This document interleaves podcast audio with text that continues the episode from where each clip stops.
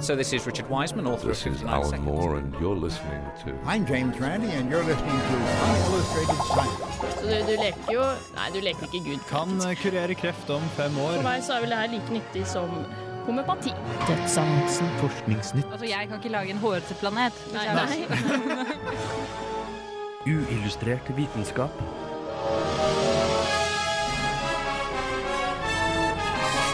Science, it works, bitches. I dagens sending får du vite hvorfor vi gjesper, hva nanobotter kan brukes til i fremtiden, og hva som kan få oss til å stumpe røyken.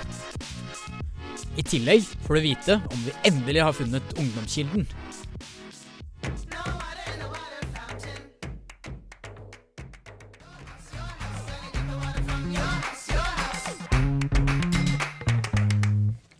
Ja, hei og velkommen til Uillustrert vitenskap. Jeg heter Hogne, og med meg i dag så har jeg Øyvind. Jepp. Gaute. Hallo. Og så har vi en gjest som har vært der før, Ola. Veldig hyggelig å være her. Ja, det er litt mannsdominert her i dag, men uh, Det tåler vi. ja, Det går bra. Vi har i hvert fall fått litt Dragvoll-gener inni her, da, sånn ikke bare gløss. Så dere kan jo håpe på at dere får litt andre typer saker i dag enn det dere vanligvis får. Men jeg tror vi setter i gang med en gang. Ja. Snart får du saken til Øyvind om gjesping. Men aller først så får du Disco Impaler av Bloody Beach.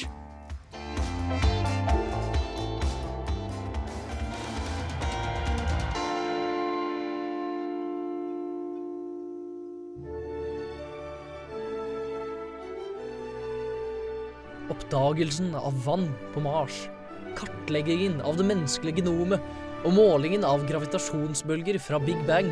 Alle fantastiske og revolusjonerende oppdagelser. Men skyv alt dette til side, for nå er det muligheter for at vi endelig vet hvorfor vi gjesper.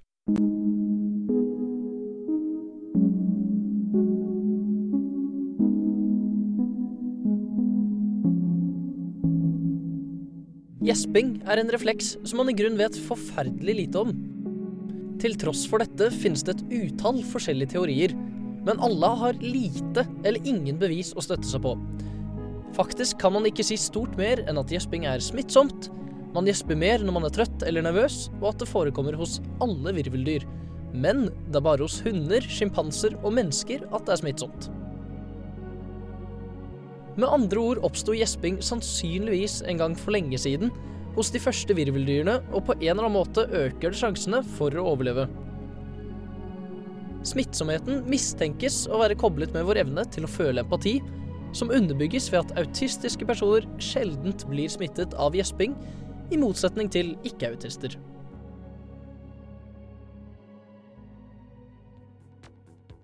Men hold deg nå fast, for nå kommer det vi alle har ventet på. Grunnen til at vi gjesper, er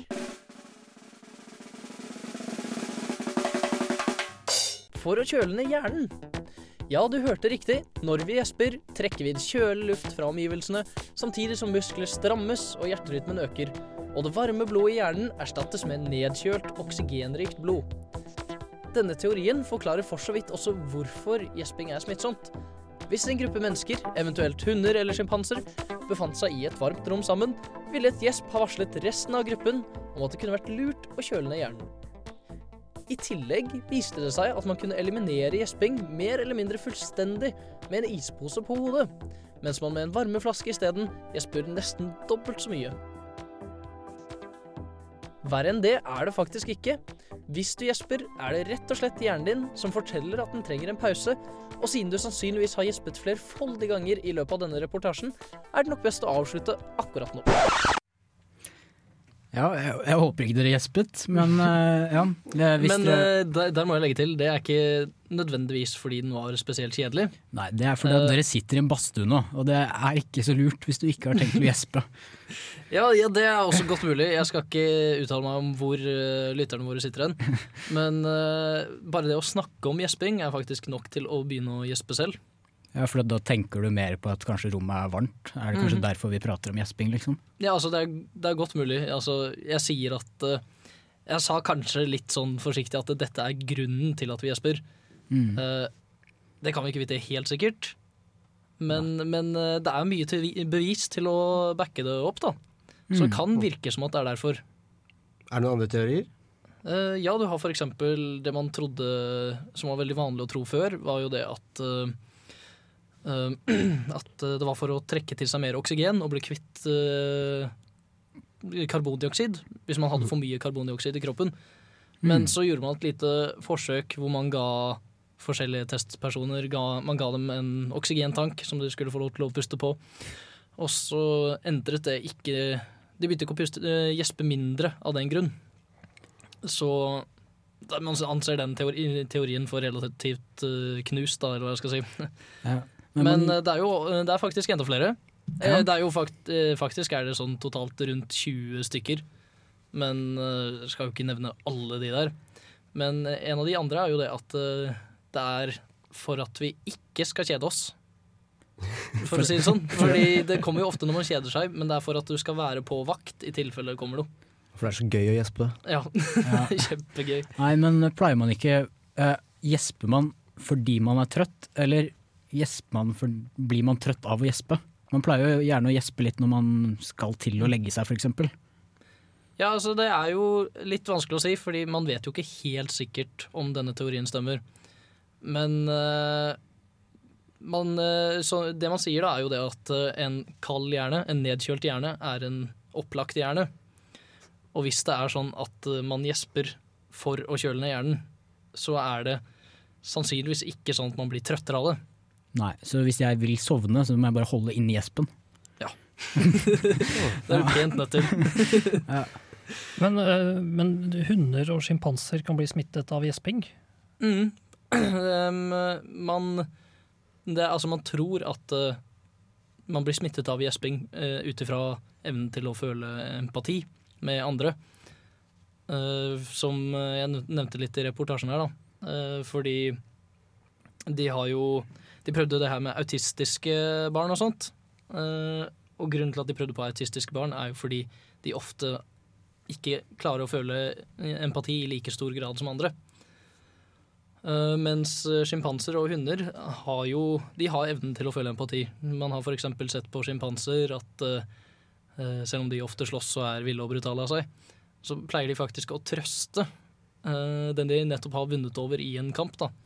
Mens eh, hunder eh, føler empati som eh, De er rett og slett avhengige av det for å overleve, fordi de er kjæledyr, rett og slett. Ja, så katter føler ikke empati? Nei, for katter er slemme dyr. Ja, nei, det har jeg faktisk innsett. De er ikke like snille som hunder, nei. Nei. Men én ting jeg har litt lyst til å legge til her, det er det at eh, man gjesper faktisk mer på vinteren enn man gjør på sommeren. Hmm. Det sier i hvert fall forskjellige typer statistikker. Uh, og grunnen til det, da, fordi hvis det er for å kjøle ned hjernen som man tror, så skulle man jo tro at man skulle ha gjespet mer på sommeren. Ja, man bruker lue på vinteren, da. Men, Det øh, er et veldig godt poeng, men jeg tror ikke det er derfor. men eh, det, det de tror, da, er det at uh, på sommeren så er jo luften mye varmere. Så har det ikke samme eh, effekt. Fordi det er luften du, du bruker for å kjøle ned hjernen, men hvis den allerede er varm, så hjelper det jo fint lite. Det er sant. Mm, ja, veldig interessant. Men uh, nå tror jeg vi må komme oss videre. Uh, snart så får du høre litt mer om røyking, men først så får du Bang Bang av RSP.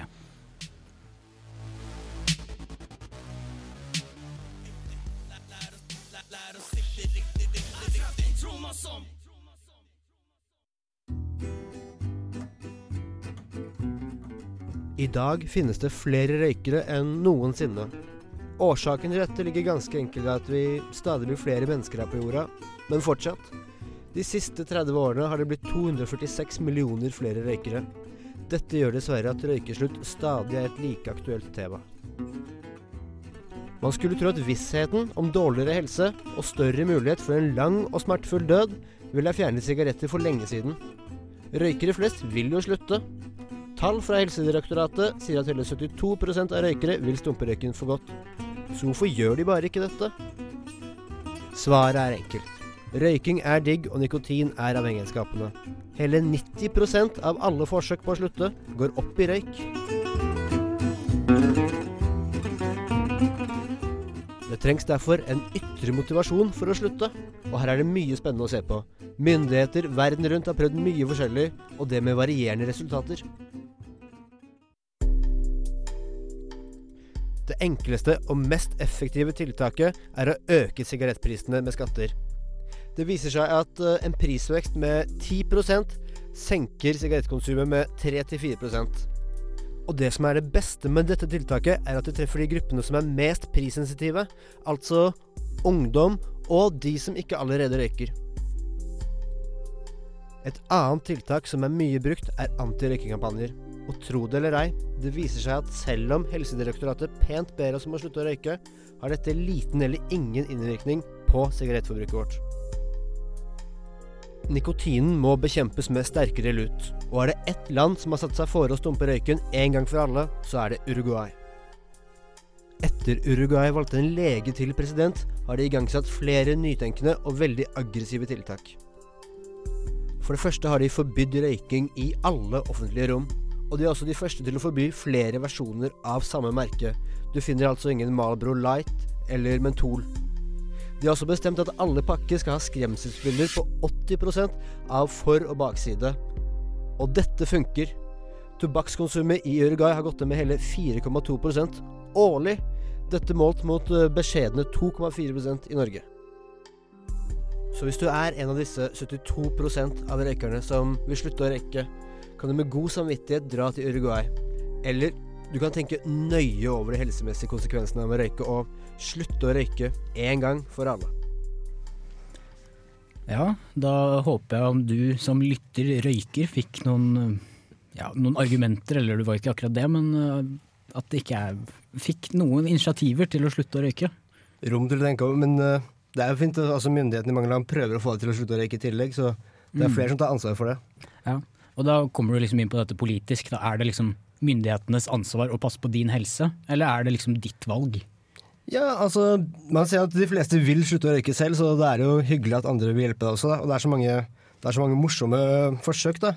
Mm. Sånn som dette, Det er kanskje ikke så morsomt det med å øke prisen, men det er jo veldig effektivt.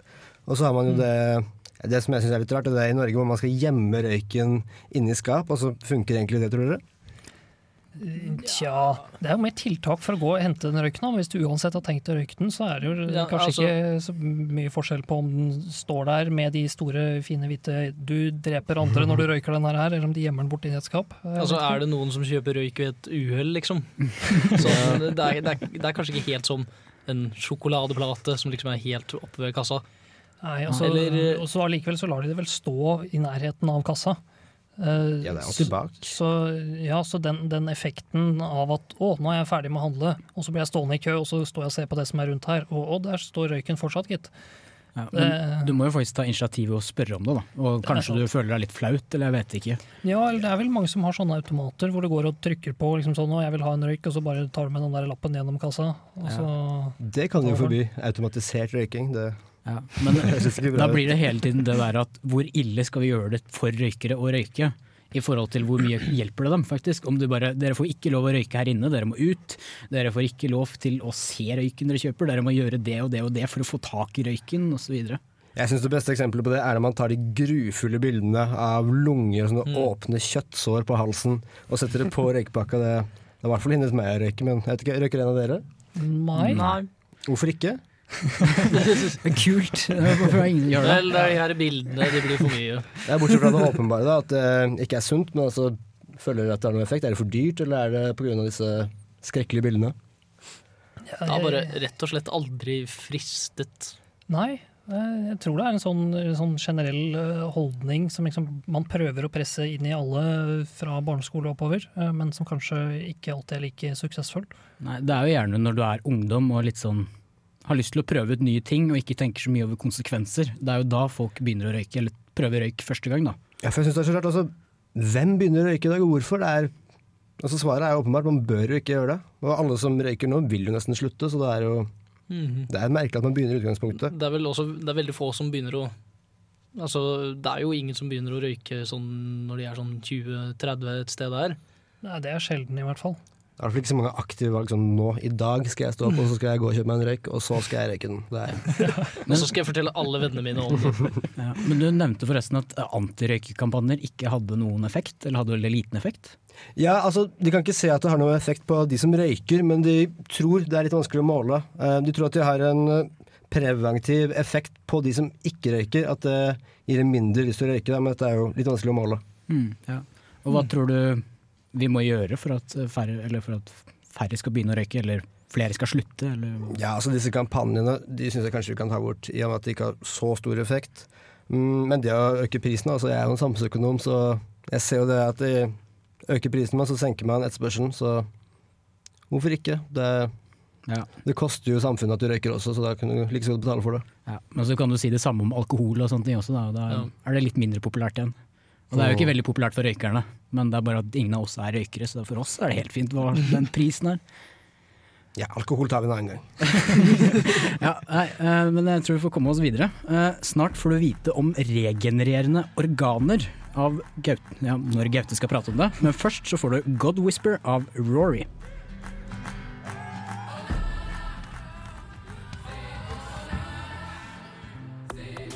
Har vi funnet ungdomskilden?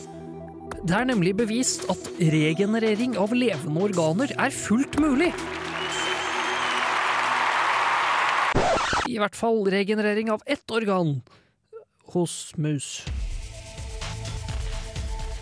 Det heldige organet som har blitt regenerert, heter thymus. Thymus er et organ som befinner seg i nærheten av hjertet, og er viktig for produksjon av en type hvite blodceller kalt T-lymfocytter. Immunsystemet er avhengig av T-lymfocyttene, som bl.a. sørger for å avvise fremmede celler i kroppen. Thymus når full størrelse rundt pubertetsalder, og vil etter dette begynne å krympe. Dette kan ha store påvirkninger senere i livet, i og med at effektiviteten til immunsystemet minker med alder, og risikoen for infeksjoner øker.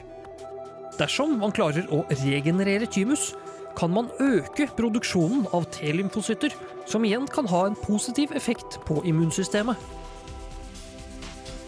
Forskere i Skottland fant ut at et gen kalt FOXN1, som styrer produksjonen av et protein med samme navn, blir naturlig skrudd av når man blir eldre. FOXN1-proteinet er en transkripsjonsfaktor spesifikk for cellene på overflaten av thymus. Ved å regulere opp aktiviteten av Foxen 1 klarte forskere å snu krympeprosessen. Thymus vokste tilbake til full størrelse, og produksjonen av T-lymfocytter økte. Men forsøket ble, som tidligere nevnt, utført på mus. Det er godt mulig at samme prosess kan benyttes på mennesker, men først kreves det mer forskning. Blant annet er det en risiko for at immunsystemet kan angripe kroppen, og en ungdomskilde som tar livet av deg, er ikke mye nyttig.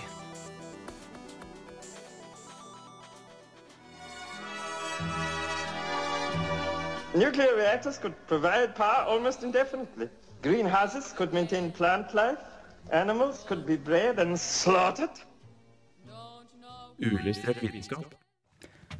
Ja, der fikk du høre litt om regenererende organer. Eh, Ja. Og hva ja, Fungerer dette her, eller hva, hva er det egentlig de gjør? Eh, ja, altså hva de egentlig har gjort, Uh, det har jeg lest veldig mye på. Uh, og jeg, blir, jeg har blitt mer, mer litt forvirret enn, hva, enn jeg har blitt klok av å lese mye på det. Sånn er det jo ofte med sånne ting. Spesielt når du prøver å forstå de der forskningsrapportene hvor de har 14 000 forkortelser for ting du aldri har hørt om. Um, men altså, hvis du ser for deg at de har, de har gått inn på denne mekanismen hvor et gen produserer et protein, og det proteinet som blir produsert, det er eh, viktig for at de cellene som liksom ligger på, på utsiden av thymus, dette organet, eller brissel som det heter på norsk, thymus er latin, eh, det, det proteinet går da også inn eh, og er med på å få de, de ytre cellene til å da liksom differensiere seg og, og være der i det hele tatt. Og, Ok. og, og skape de. Ja, det er Ja. den transkripsjonsfaktoren her, den går inn, og så eh, inn på DNA i transkripsjonen der hvor det blir oversatt til proteiner, og så få den, det- den prosessen til å gå, da. Og Ja, for brissel, det er, den, er ikke det skjoldbruskkjertelen? Den som er sånn plassert oppi halsen et sted? Eh, nei, det Eller er Eller hjertet, sa du? Ja, det- eller den sitter vel bak brystbenet et eller annet sted. Uh, så, ja. Den, den, den er i hvert fall den er viktig for, for de T-lymfocyttene, da. Men når du gjør dette, så får du et regenerert organ. Er dette organet likt det organet du begynte med? Ja, altså for det som er, er jo at eh, det vokser, og så er det rundt full størrelse ved pubertetsalderen, og så krymper det igjen. eh, fordi at denne, denne mekanismen som de har gått inn på, eh, den stopper opp etter hvert. Eller blir i hvert fall gjort i mindre grad. Og da krymper hele greia, og det de fant ut, da, når de skrudde på den mekanismen igjen, så vokste det til full størrelse. Og ikke bare det vokste, men det ble liksom i riktig struktur. Og det begynte å produsere sånne T-lymfocytter. Um, men det, det, det fikk riktig struktur og lager T-lymfocytter, men de har ikke klart å koble det til om det har noe som helst effekt for immunsystemet. Nei, så De vet ikke om den fungerer? De vet, om det, altså de vet at de får det til å bli større og gjøre sånn som de gjorde før, men om det har noen effekt for å si noe som helst for noen ting, det vet man ikke. Nei, Det hjelper Så- ikke å lage et organ. Dette er på samme størrelse og litt samme struktur, men du vet ikke helt om det fungerer. Nei, altså for det må jo være en grunn til at det skrur seg av eh, og blir mindre. Og, altså man vet jo at det er en grunn til at det skrur seg av og blir mindre, man vet bare ikke hva den grunnen er. Uh, man har lurt på om det er relatert til, at man, til reproduksjon. altså Når du kommer i pubertetsalder, så kan du formere deg, eh, og derfor så må man liksom spare inn på noe, og da stopper man der. Eh, men ulempen med å få masse Eller ulempen med at, eh, at den krymper og du får færre T-lymfocytter, er jo det at eh, du blir dårligere til å takle nye sykdommer når du blir eldre. Da. Ok, ja. Så dette, det tar litt tid før vi kommer til å gjøre dette, eller i hvert fall bruke det i det hele tatt til Ja, nyttig. Spesielt fordi at eh, denne prosessen eh, i produksjonen av de T-lymfocyttene inne i thymus, eh, så blir de lært opp til hva som skal være i kroppen og hva som ikke skal være i kroppen. Og hvis det ikke funker som det skal, så risikerer du at du får et organ som trener opp kroppen til å skjønne at kroppen ikke skal være der. Og da sliter du litt. Ja. Det er litt kjedelig, for jeg er veldig avhengig av kroppen min. ja, det er merkelig med det. Ja. Men eh, vi får komme oss videre. Eh, Snart får dere forskningsnytt, men først får du Monster av Shad van Galen.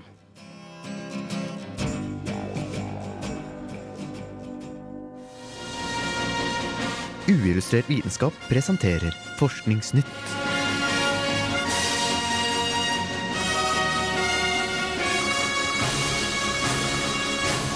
Forskningsnytt. Bioingeniører ved Harvard universitet har nå greid å lage DNA-nanobotter, som de så har greid å sende inn i levende kakerlakker. Nanobottene er fullstendig laget av DNA, men kan likevel utføre alle logiske operasjoner som en vanlig datamaskin. De har også nok maskinkraft til å frakte relativt komplekse programmer, slik at de i framtiden vil kunne brukes til å diagnostisere og behandle sykdommer direkte inne i kroppen.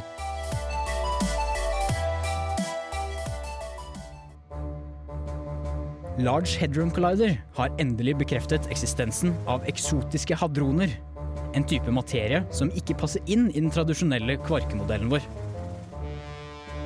Den eksotiske partikkelen som er funnet, kalles Z4430.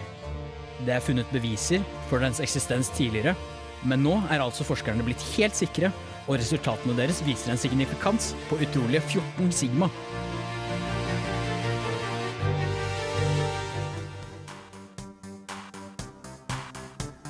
Masterstudenten Michael Schmidt har i sin masteroppgave endelig besvart et spørsmål som kanskje mange av oss som har blitt stukket av en bie før, har stilt oss. Hvor er det verste stedet på kroppen å bli stukket av en honningbie? Siden det finnes lover for testing av smerte, måtte stakkars Smith gjøre alle forsøkene på sin egen kropp. Han gikk systematisk gjennom 25 områder på kroppen, testet alle områdene tre ganger, fordelte forsøkene over mange dager, og avsluttet alle delforsøkene med et stikk på overarmen for å kalibrere smerteskalaen. Og resultatet han kom fram til Leppe, innsiden av nesa og penis er de verste stedene å bli stukket.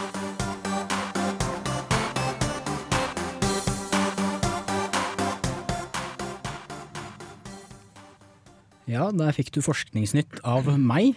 eh, Og det første jeg nevnte var disse her nanobottene, som faktisk er laget av DNA. Kan de misbrukes på noen måte?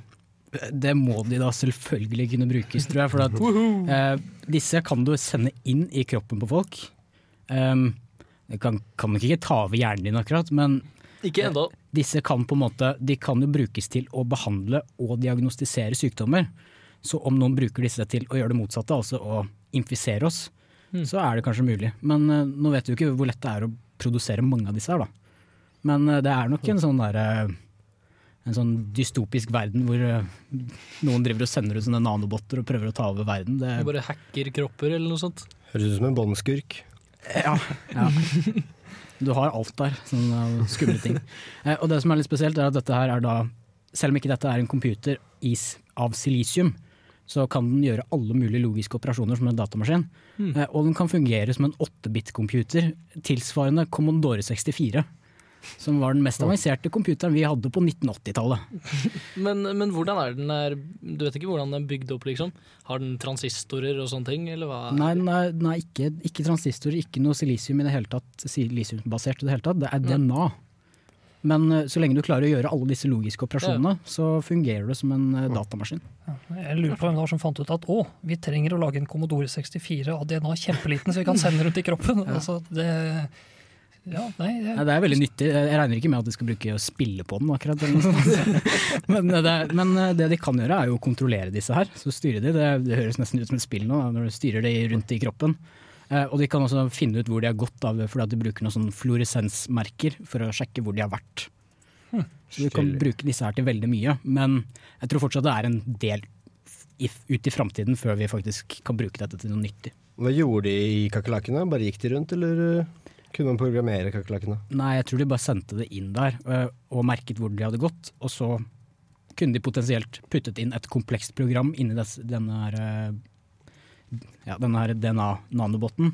Og da kunne den gjort noe, men de gjorde ikke noe spesielt, nei. Mm.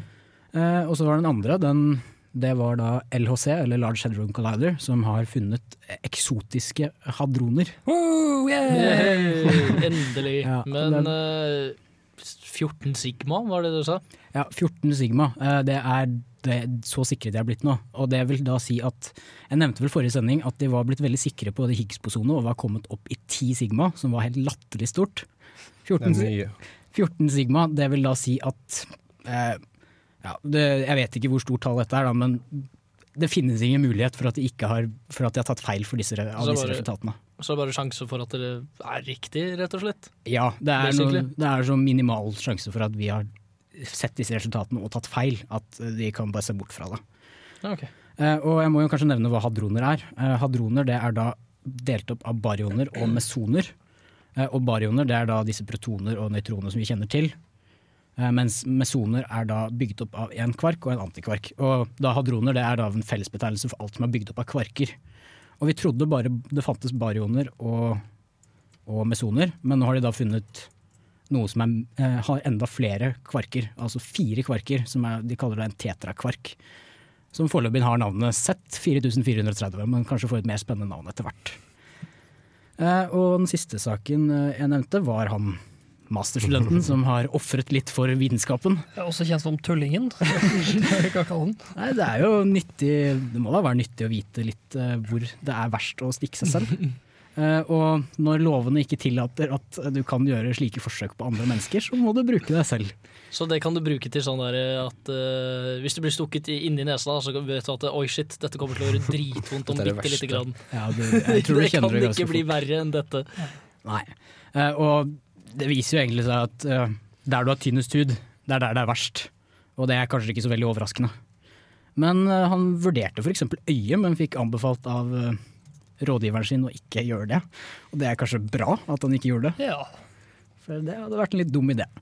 Men eh, ja, og så må det også nevnes at dette blir veldig subjektivt da, når det kun er én person som har testet dette. her. Han har gjort veldig mye forskningsmessig riktig. Da, at han har jo prøvd, han har gjort alle forsøkene sine mellom ni og ti om morgenen for at det ikke skal ha noen effekt.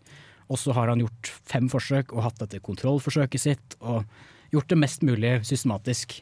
Og det finnes forskning som viser at det går an å gi en smert, eller sette tall på smerteskalaen, og det vil gi ganske god mening.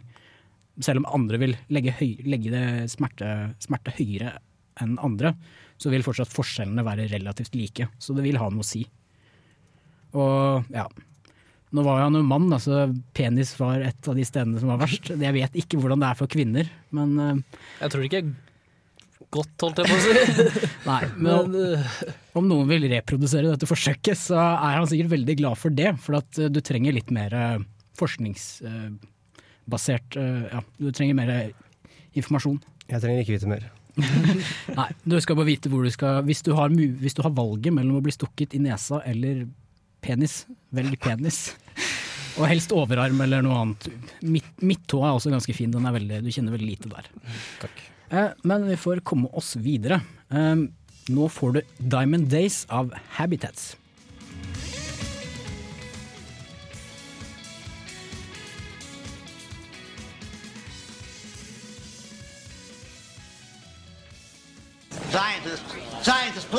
Looking for some order.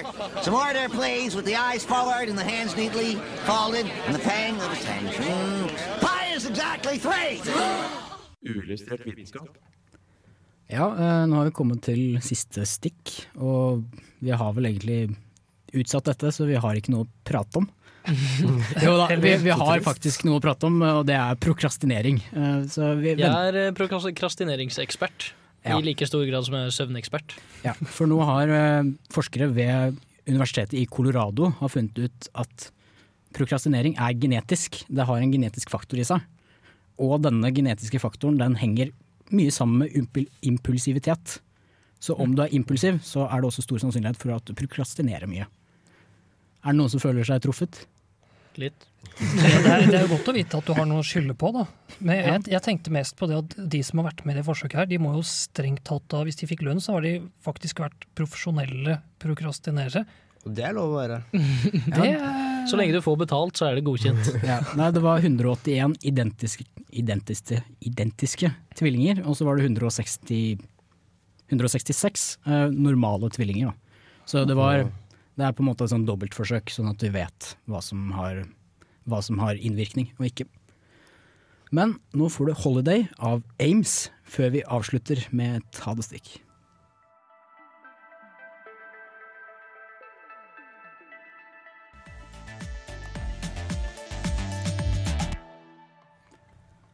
Ja, vi begynner å gå mot slutten.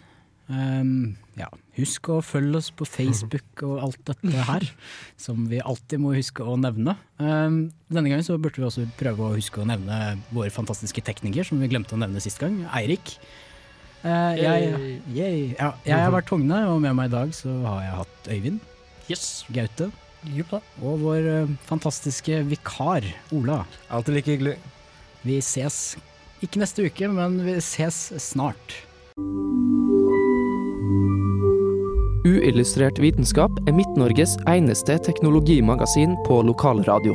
Og vi snakker om alt fra populærvitenskap til sære forskningsprosjekt ved NTNU.